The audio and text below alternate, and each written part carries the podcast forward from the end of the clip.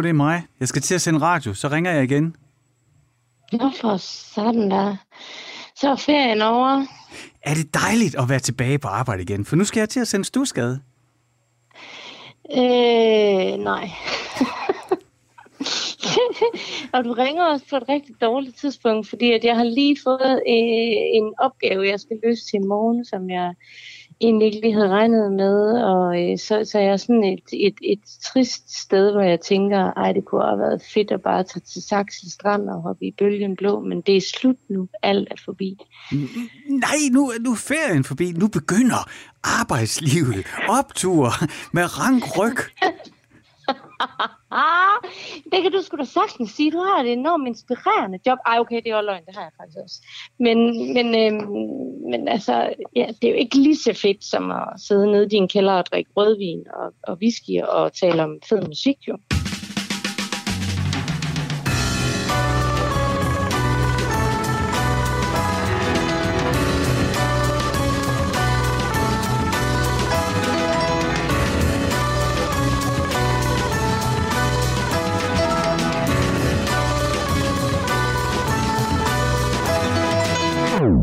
Lytter til Stusgade på Radio 4 med mig, Frederik Hansen. Og det her, det er Peaches on Regalia med Frank Zappa.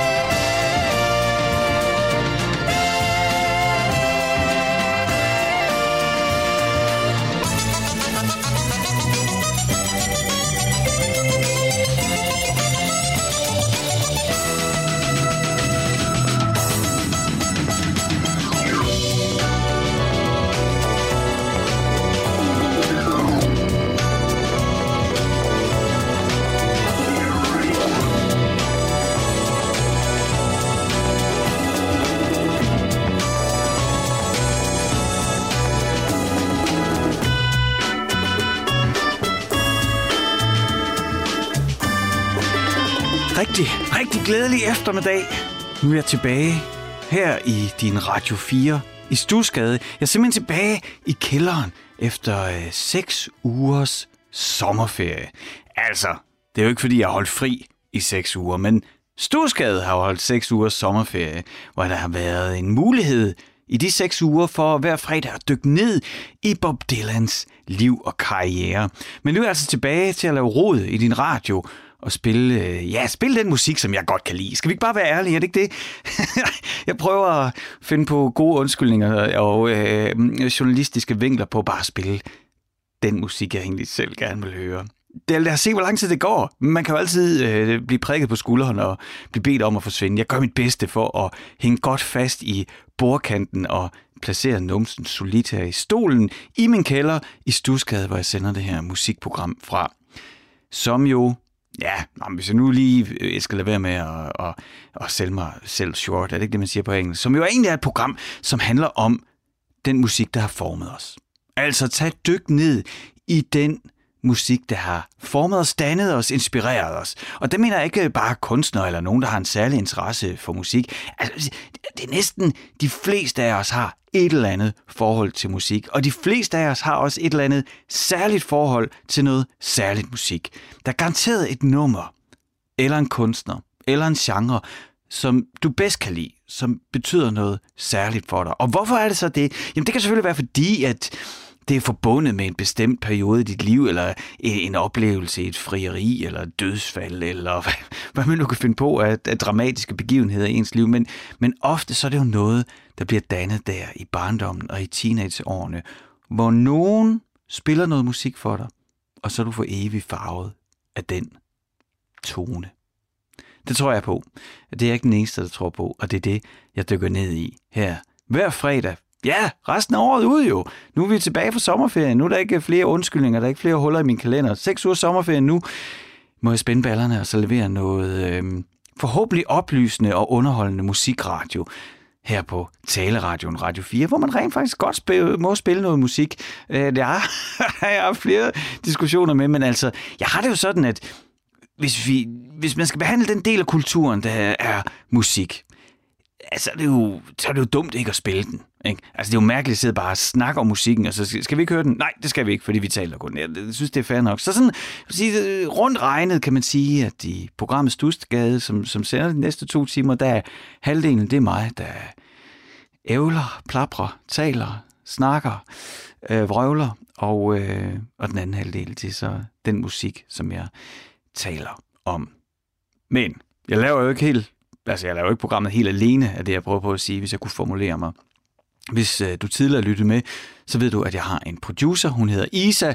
Hun sidder i Norge, og skulle til at sige, at hun holder øje med mig. Det gør hun ikke. Hun holder øre med mig. Hun lytter til, hvad jeg laver, og så holder hun mig i ørerne også og sørge for, at det, at det så ikke kun lige helt bare bliver min egen musiksmag og min egen musiksamling, der ryger i æderen, når jeg får lov til at sende hernede fra kælderen.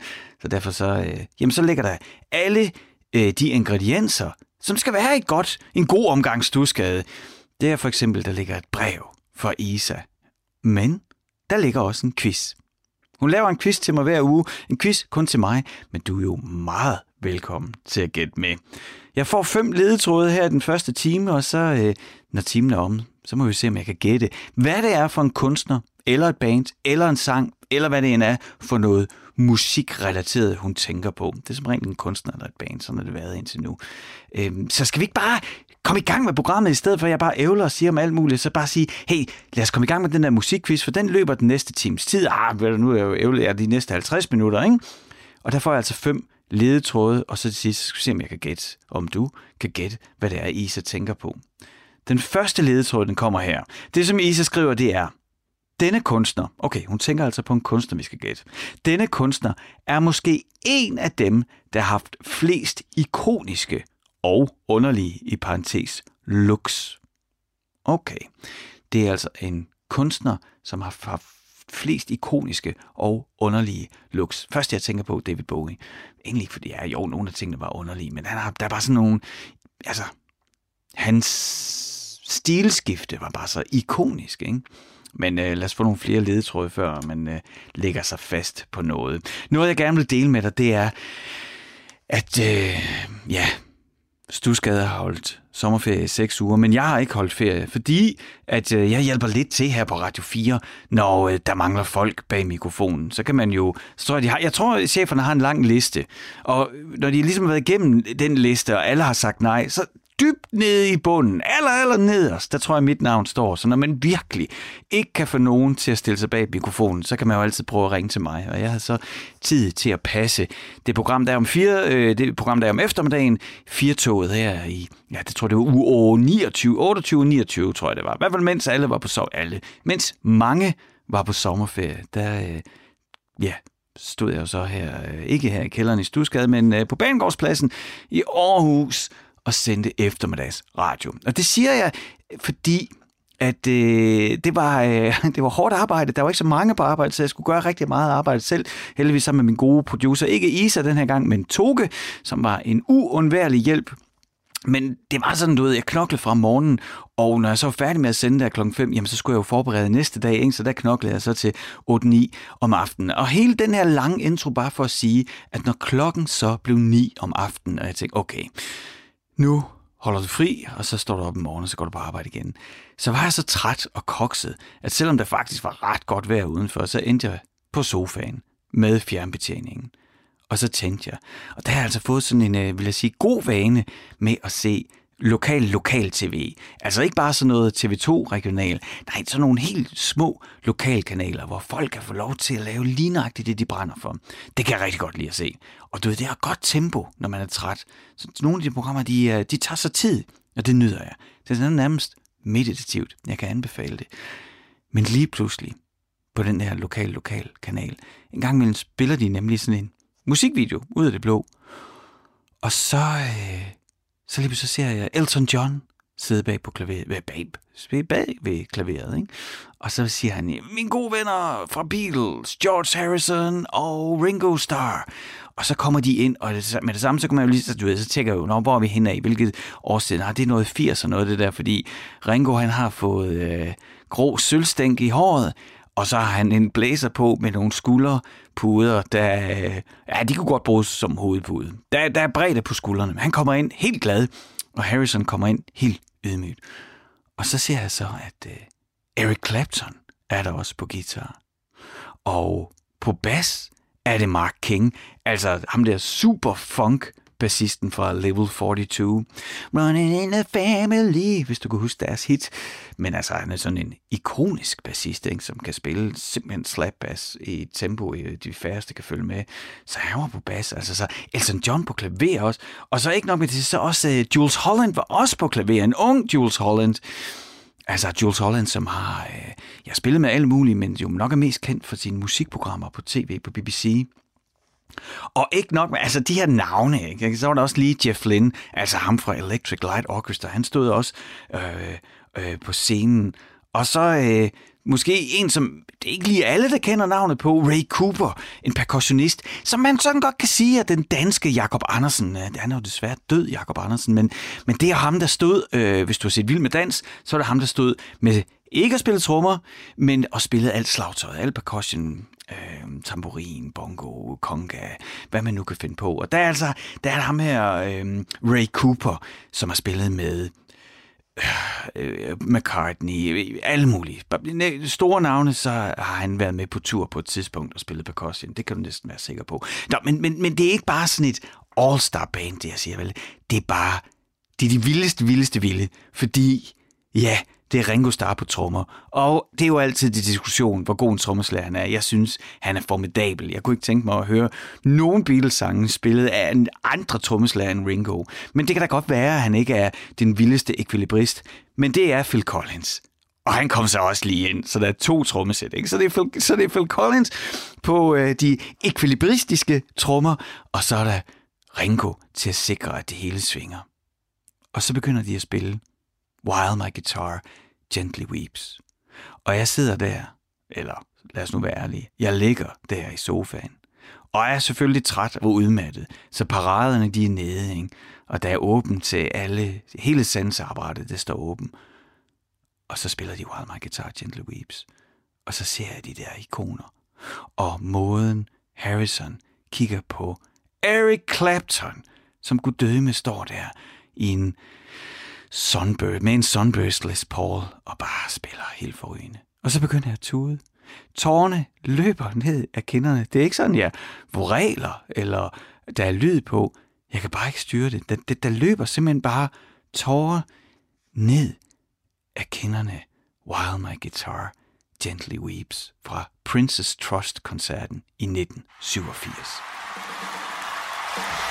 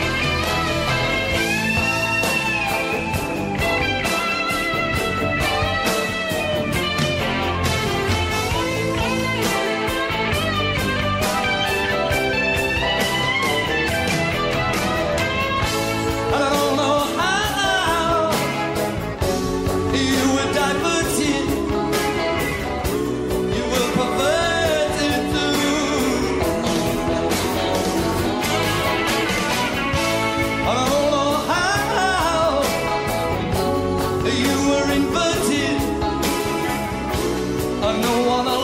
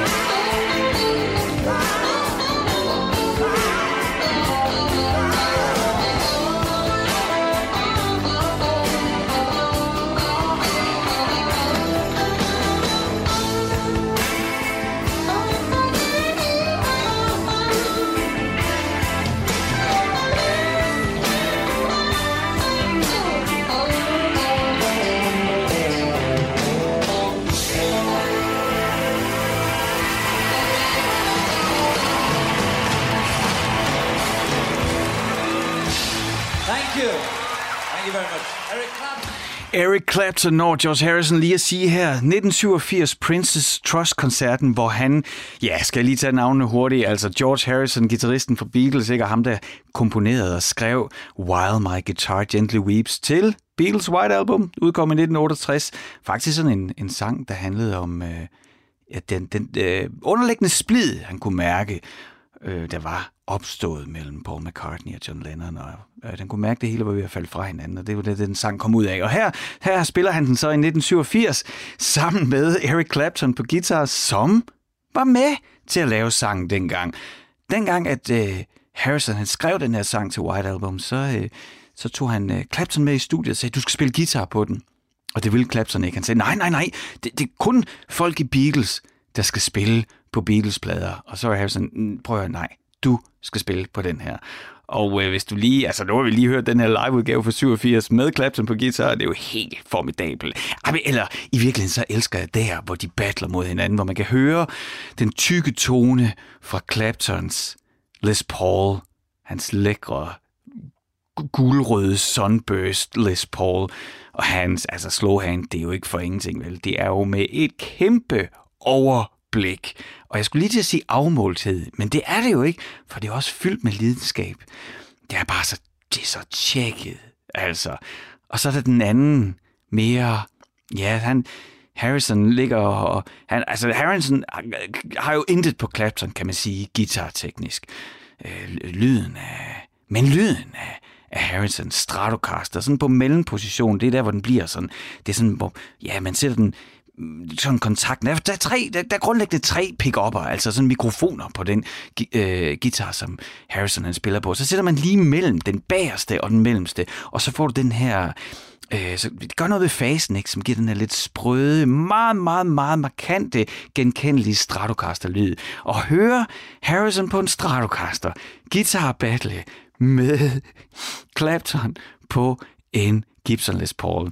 Jamen, prøv at høre. Jeg, det bliver bare ikke bedre for mig. Jeg synes, det er helt det vejen. Nå, nu, det var faktisk ikke det, jeg var ved at, at snakke om det. Jeg vil bare lave en hurtig liste over alle de stjerner, der spillede på den her sang, som jeg jo tudede til, da jeg hørte det, altså ud af det blå. Jeg ved også godt, at jeg var træt, ikke? Men altså, så Harrison er på vokal og guitar, Clapton på guitar, Jeff Lynne på guitar, Phil Collins på trommer, Ringo Starr på trommer, Ray Cooper på percussion, Mark King, ham der super superbassisten for Level 42 på bass, Elton John på helt neutral klaver. Ikke? Han gør ingenting. Han løser bare sin opgave. Jeg mener, hvis man kan tale om en superstjerne, ikke? Elton John med fjer i hatten, så sidder han bare der og arbejder godt med, fordi det der, det er altså 50% af Beatles og Eric Clapton, så han behøver ikke at gøre noget. Det elsker jeg også. Ikke? Det, nu, får jeg, nu bliver jeg rørt. Det er også det, jeg tror, det, det var det, der gjorde, at jeg kom til at græde, og det er derfor, jeg blev nødt til at spille det her nummer for dig. Det, det var sådan en... At have folk på øverste hylde, som har prøvet det hele, stå på scenen og spille sammen og give plads til hinanden og skabe stor kunst sammen. Armbrør. Huh. Nå. Jamen, jeg fik jo fortalt, at... Øh...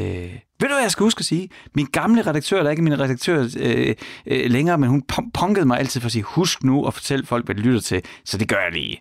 Du lytter til Stusgade på Radio 4 med mig, Frederik Hansen. Musikprogrammet, hvor jeg får lov til at dykke ned og fortælle om den musik, der har formet mig, måske også dig, og også de gæster, der er i programmet. Det er det, du lytter til lige nu, og, og jeg åbnede op med at...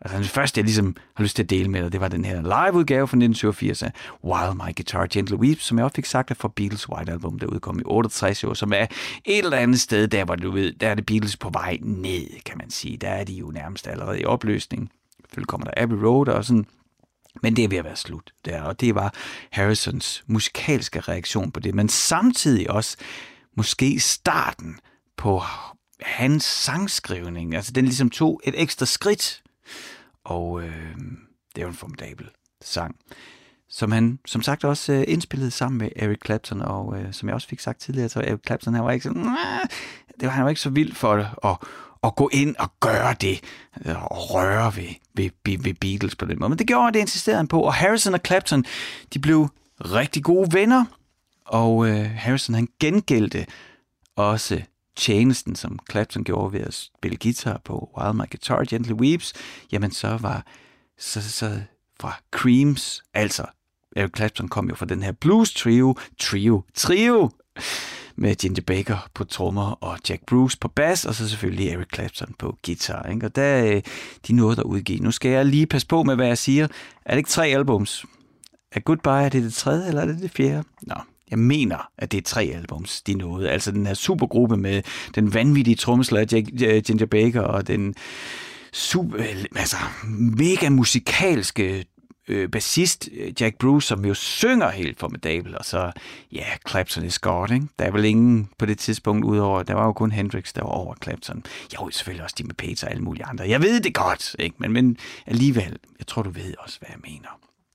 Nå, men i hvert fald, Harrison gengældte tjenesten, og øh, da Cream efter deres meget korte superband-karriere udgav Goodbye-albummet, øh, og så var det slut med Cream, jamen der var det øh, sammen med Harrison og Clapton, han skrev sangen Badge, som nok er min yndlings Cream-sang. Men George Harrison er jo også min yndlings Beatle. Og øh, ja, jeg har en søn. Han er 6 år. Han hedder Geo.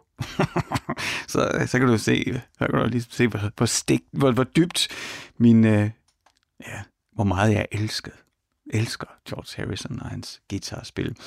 Men øh, lad os lige prøve at lytte til Bad fra øh, Creams Goodbye-album, og øh, der er sådan et tidspunkt, hvor det virkelig, hvor det virkelig, virkelig lugter af Harrison. Og det er sådan en midt i, cirka en midt af sangen, der kommer der et break, og så spiller der altså sådan en guitar igennem en Leslie. En Leslie, det er, skal du forestille dig, din højtaler, den sidder på en motor og drejer rundt. Så det er simpelthen en roterende højtaler. Det giver sådan en vibrato-effekt. Og der kommer sådan et løb, som er meget Harrisonsk. Thinking about the times you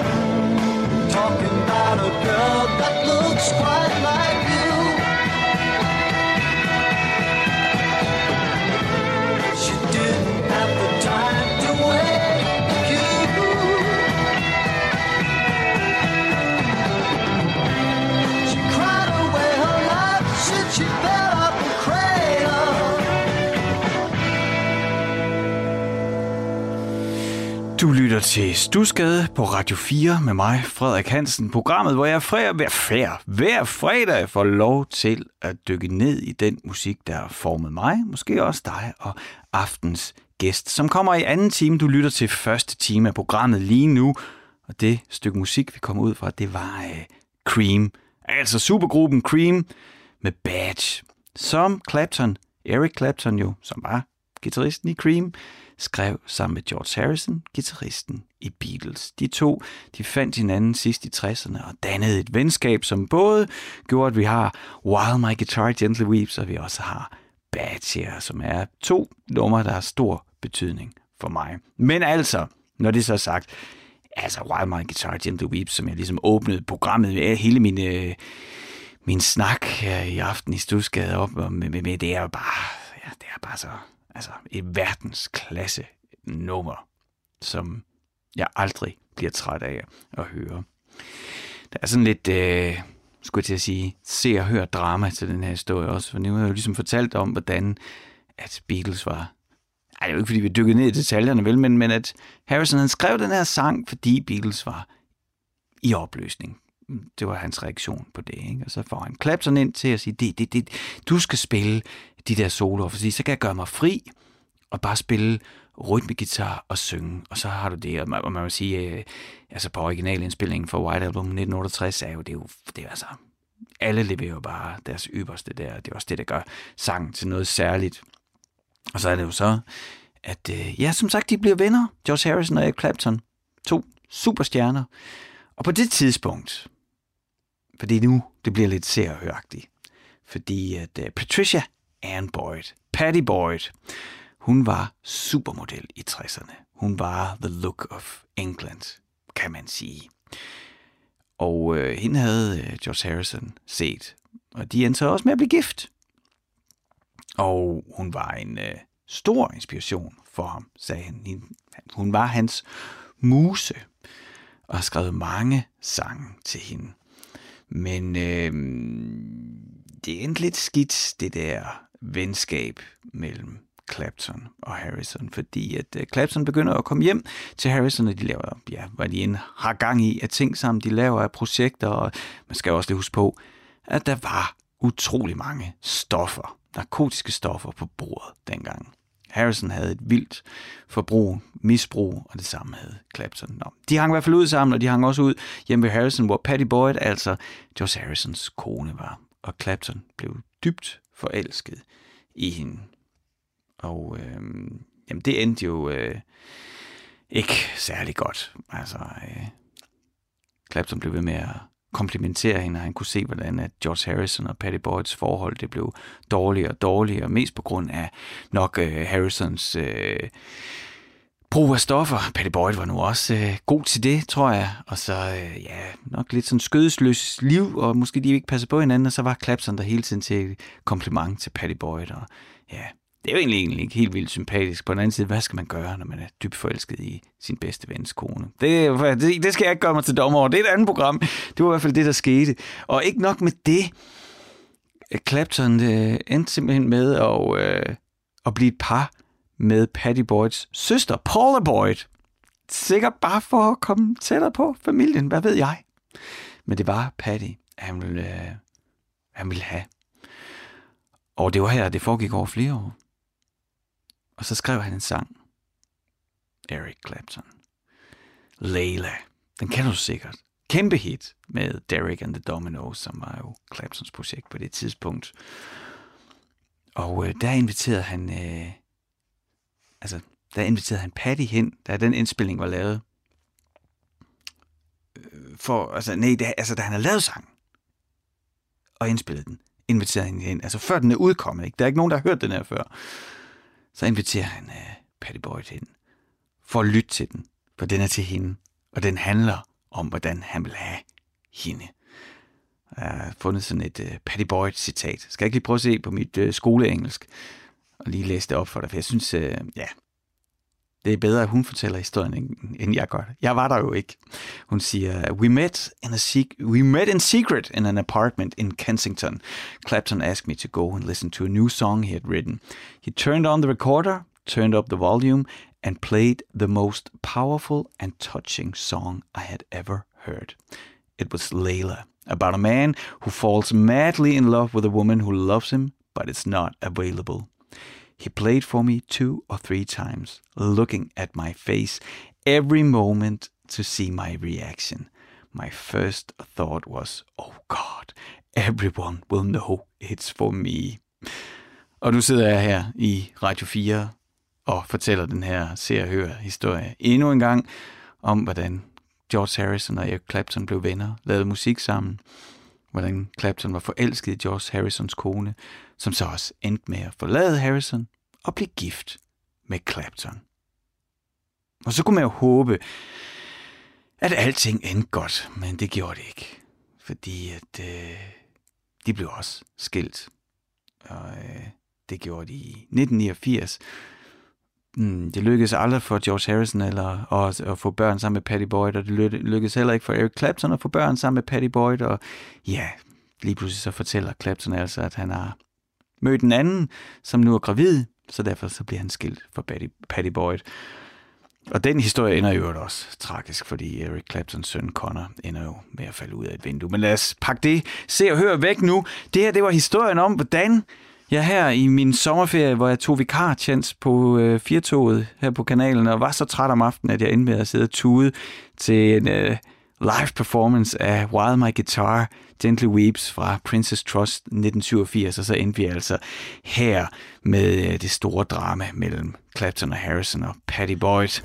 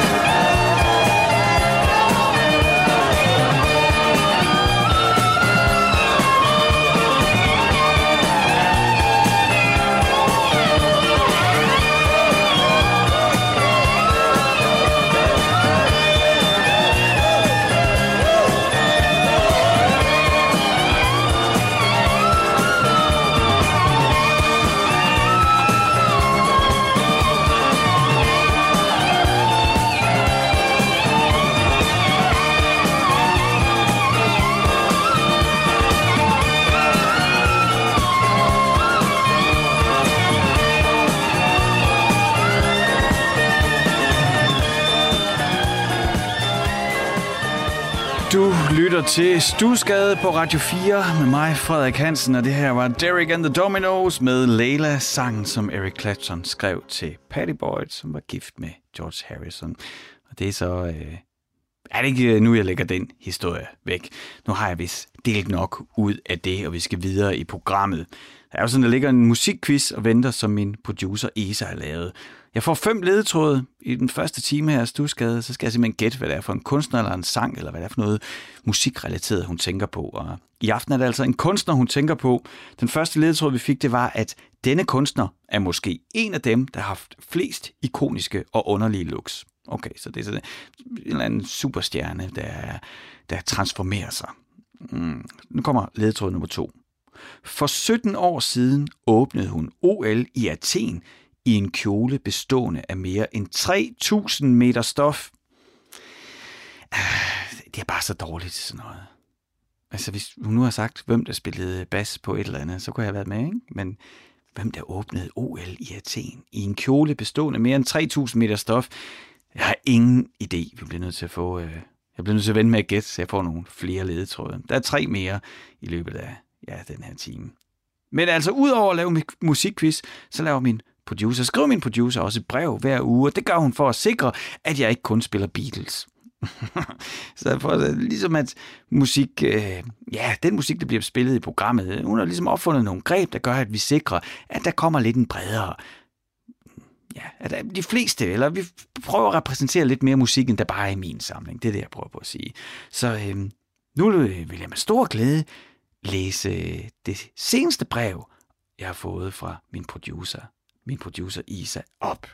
Hun skriver, Kære Frederik, velkommen tilbage fra sommerferien.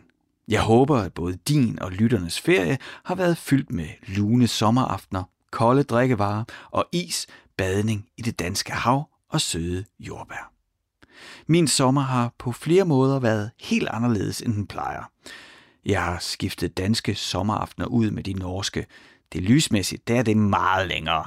Jeg kan ikke komme mig over, at solen ikke går ned før klokken halv tolv om natten og står op igen klokken halv fire. Det er svært at lukke et øje, så jeg har sovet med natmaske hele sommeren. Hvem skulle have troet det?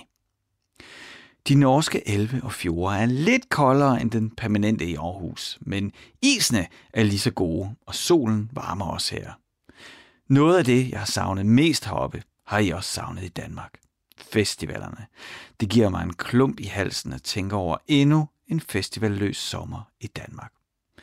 Jeg er vokset op i Ry, og min veninder og jeg tog på Smukfest for første gang alene som 14-årige, lige inden jeg startede på efterskole. Vi fik en lille pose hjemmedyrket grønt med af min ene venindes far. Det er bedre at ryge noget, man ved hvad, end at få noget skidtstags af fremmede. Og det havde han jo ret i. Og sig det endelig ikke til nogen. Siden da er jeg kommet fast på festivalen.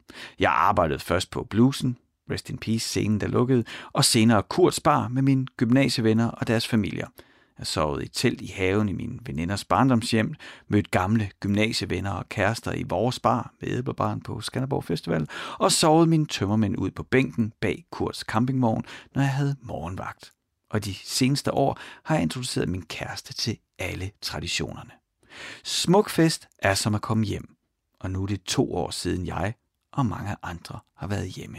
Og der er ikke noget som at stå med alle sine ældste venner og synge med på 8660. Det går lige i tårerkanalerne. Kan du finde den i en liveudgave med festivalstemning, vil det være smukt. Ellers må I forestille jer duften af sommerregn, flade fadøl, ømme fødder, fordi man foran bøgescenen står skråt på en bakke, fællessang og den der følelse af at stå og vugge i takt med flere tusind mennesker, man ikke kender, men stadig deler noget med. Jeg savner festivalerne. Kærlig hilsen, Isa.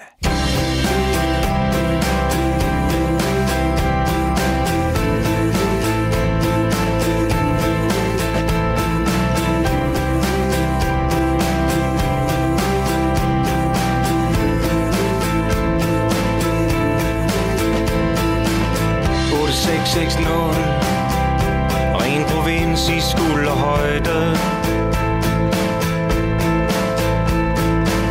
Et lille harsk smørhul. Af en hidtil uhørt bøjde. Og man kan altid diskutere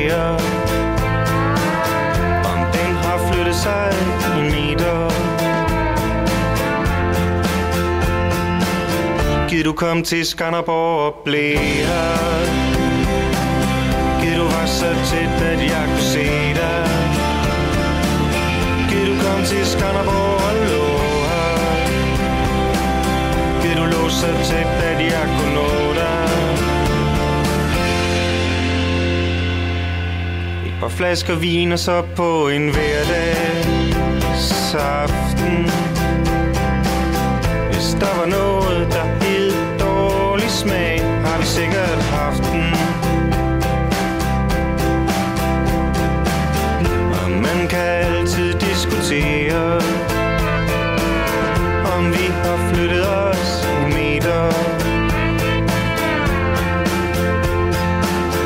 Giv du kom til Skanderborg og blev her.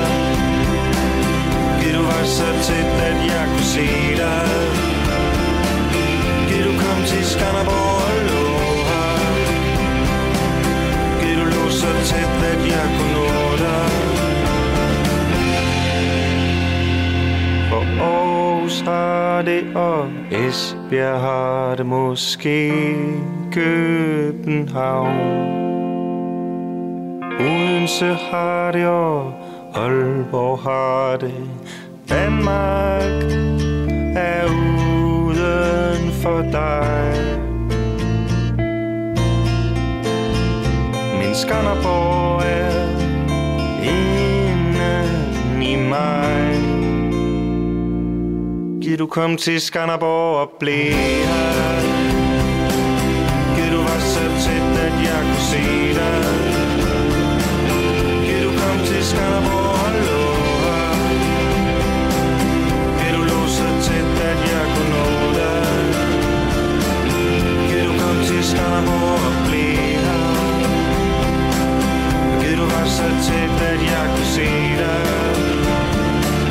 Gud kom til skam og så mig Gud var så tæt, at han kunne nå mig.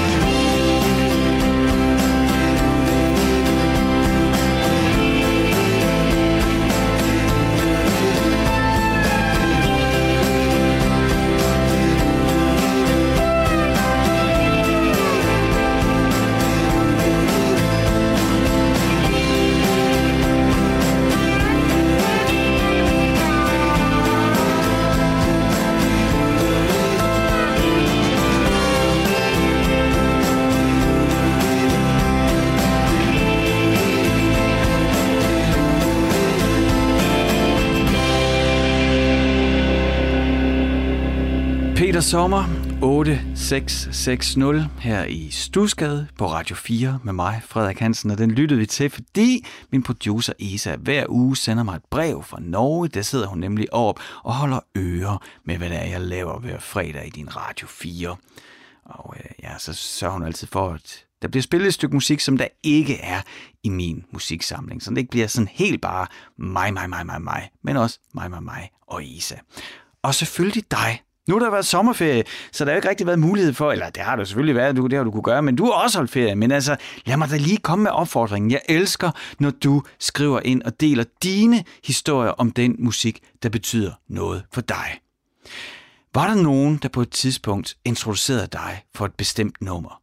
Eller en genre? Eller en kunstner? Noget, som du bærer den dag i dag og kan blive ved med at sætte på og tænker, wow, hvor er jeg glad for det. Eller hvor er det vigtigt for mig. Noget, som måske endda har skabt fundamentet for al den anden musik, du kan lide. Eller et nummer, som du bare elsker helt ind i hjertet. Har du noget musik, du tænker, det skal Frederik altså høre om. Det elsker jeg så højt, det her. Det skal han høre om. Så del det med mig. Skriv til mig. Du kan sende en sms. Det kan man altid gøre til Radio 4. Du kan sende en sms til 1424. Begynd sms'en med R4. Lav et mellemrum og skrive ellers løs, og så kan jeg gå ind i øh, systemet og fiske den ud. Jeg kan ikke se den her lige nu, men jeg kan fiske den ud af systemet og tage den med i næste program. Du kan også sende en e-mail. Det gør du ved at sende en e-mail til stusgade radio4.dk. Og så skal du bare lige huske det der med, at når jeg siger stusgade, så staves det S-T-U-D-S, altså sådan studsgade. Men man udtaler det altså stusgade. Lidt ligesom det hedder ikke Bredstrup, det hedder Brastrup. Jeg kan ikke sige hvorfor, det hedder bare Stusgade. S-T-U-D-S-G-A-D-E, snablag radio4.dk, og så lander din e-mail lige i min inbox. Du kan også bare, hvis du er sådan en, der har Instagram på din telefon, så kan du også bare søge på Stusgade. Så burde øh, Stusgade Radio 4-profilen dukke op, og øh, mig kan du følge, og så kan du skrive direkte til mig inde på Instagram. Fortæl mig om den musik, du elsker, og hvorfor jeg skal spille den her, så vil jeg glæde mig til at læse din besked op og spille dit musik. Eller hvad det end er, jeg var så gode til at ja, dele ud af det. Af de minder og den musik, der betyder noget for jer. Jeg er tilbage fra sommerferie, det har jeg sagt et par gange, og en anden måde, man kan se, at jeg er tilbage fra sommerferie, det er, at tidsplanen er fuldstændig skrevet. Så det første, det er, vi har jo egentlig, vi har også genrelisten, den smider jeg lige ud, for jeg tænker, at inden at øh, der er nyheder her på Radio 4, så bliver vi nødt til at få færdiggjort musikkvisten. Der er jo tre ledetråde nu, dem må vi tage i rap, og så øh, må vi se, om jeg kan gætte det, ikke? Og så er jeg jo tilbage igen i næste time, men så er det jo lidt anden omgangsduskade for sig. Så er det med en gæst, Per Vers, rapperen freestyleren Per Vers, han kommer herned i kælderen, og så har vi en samtale på 55 minutter. Men det er altså efter nyhederne. Der er stadigvæk nogle minutter. Øh, lad os få gjort den her musikquiz færdig. Altså, Isa har lavet en musikquiz. Hun har givet mig fem ledetråde. Jeg skal gætte en kunstner. Du får dem alle fem nu. Lad os se, om vi kan gætte det. For 17 år siden, røv, du får den første. Denne kunstner er måske en af dem, der har flest ikoniske og underlige looks. Okay. Næste. For 17 år siden åbnede hun OL i Athen i en kjole bestående af mere end 3.000 meter stof. Altså begge dele siger mig ikke noget, for det er ikke sådan noget, der interesserer mig helt vildt. Så kommer der. Hun, okay, så ved vi, det er en kvinde. Hun er måske en af de kunstnere, der er sværest at sætte en genre-definition på. Okay, okay. Sådan ligesom Madonna-agtig. Eller Cher, kan man ej, det ved jeg ikke, om hun er i den liga. Madonna har da i hvert fald altså haft nogle underlige looks. Om hun har åbnet OL i Athen, det aner jeg ikke. Men hun er i hvert fald svær at sætte en genre på. Hun startede med pop, men hun er, i hvert fald, hun har i hvert fald været med til at udvikle mange producer i forskellige retninger. Nå. Okay, næste ledtråd. Udover at have modtaget tonsvis af awards for sin musikkarriere, så har hun faktisk vundet en gylden palme i Cannes for bedste kvindelige hovedrolle. Åh, oh, det burde jeg vide det. Oh. Og kommer den sidste. Selvom hun i dag er i midten af sine 50'er, så er der noget meget barnligt over hendes udtryk og fremtoning. Altså, jeg har lyst til at sige Madonna, men er hun ikke fyldt 60? Er hun ikke ældre? Og har hun vundet en... Gud, det er Bjørk! Bjørk, hun fik da... Øh, hun vandt da den gyldne palme for Dance in the Dark. Jeg gætter på Bjørk. Hvad gætter du på? Nu, uh, under de her ledetråde, der er der en uh, sort bjælke. Den kan jeg fjerne, og så kan vi se, hvad der står. Uh, se. Svaret er Bjørk! Oh, det var godt, jeg ikke gættede Madonna. Det var rigtigt. Okay, jamen øh, det lykkes endnu en gang at øh, bestå her i musikquizzen i Stusgade på Radio 4. Lad os øh, bruge den første time af med Bjørk. Hey, sweet, yeah.